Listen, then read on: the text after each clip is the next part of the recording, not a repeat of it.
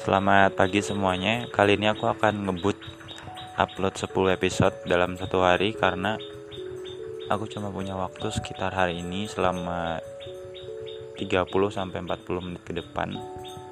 Jadi podcastnya cukup singkat. Kita langsung ke bahasan kali ini yaitu tentang trauma dan takut. Aku mau bahas dari definisinya dulu.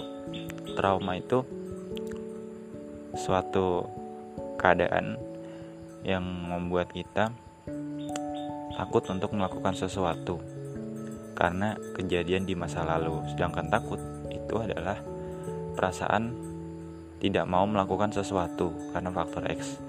Jadi penyebab takut itu karena faktor X, penyebab trauma itu karena takut. Ini nggak bisa dipisahkan satu sama lain. Jadi saling berkaitan. Misalkan ada orang yang pada masa dewasanya dia trauma akan berhubungan dengan orang lain.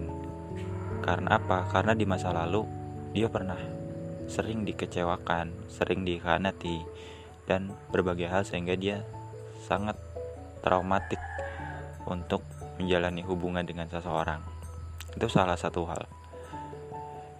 Sampai sekarang pun aku pikir belum ada ya manusia yang seutuhnya bisa menghadapi trauma, melawan trauma. Setiap orang itu pasti punya ketakutan sendiri akan sesuatu hal. Takut akan makanan, takut takut hubungan, takut akan apa pun.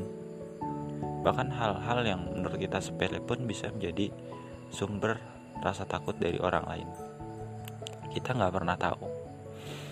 Jadi aku pikir manusia itu unik ya mereka punya ketakutannya sendiri punya trauma sendiri.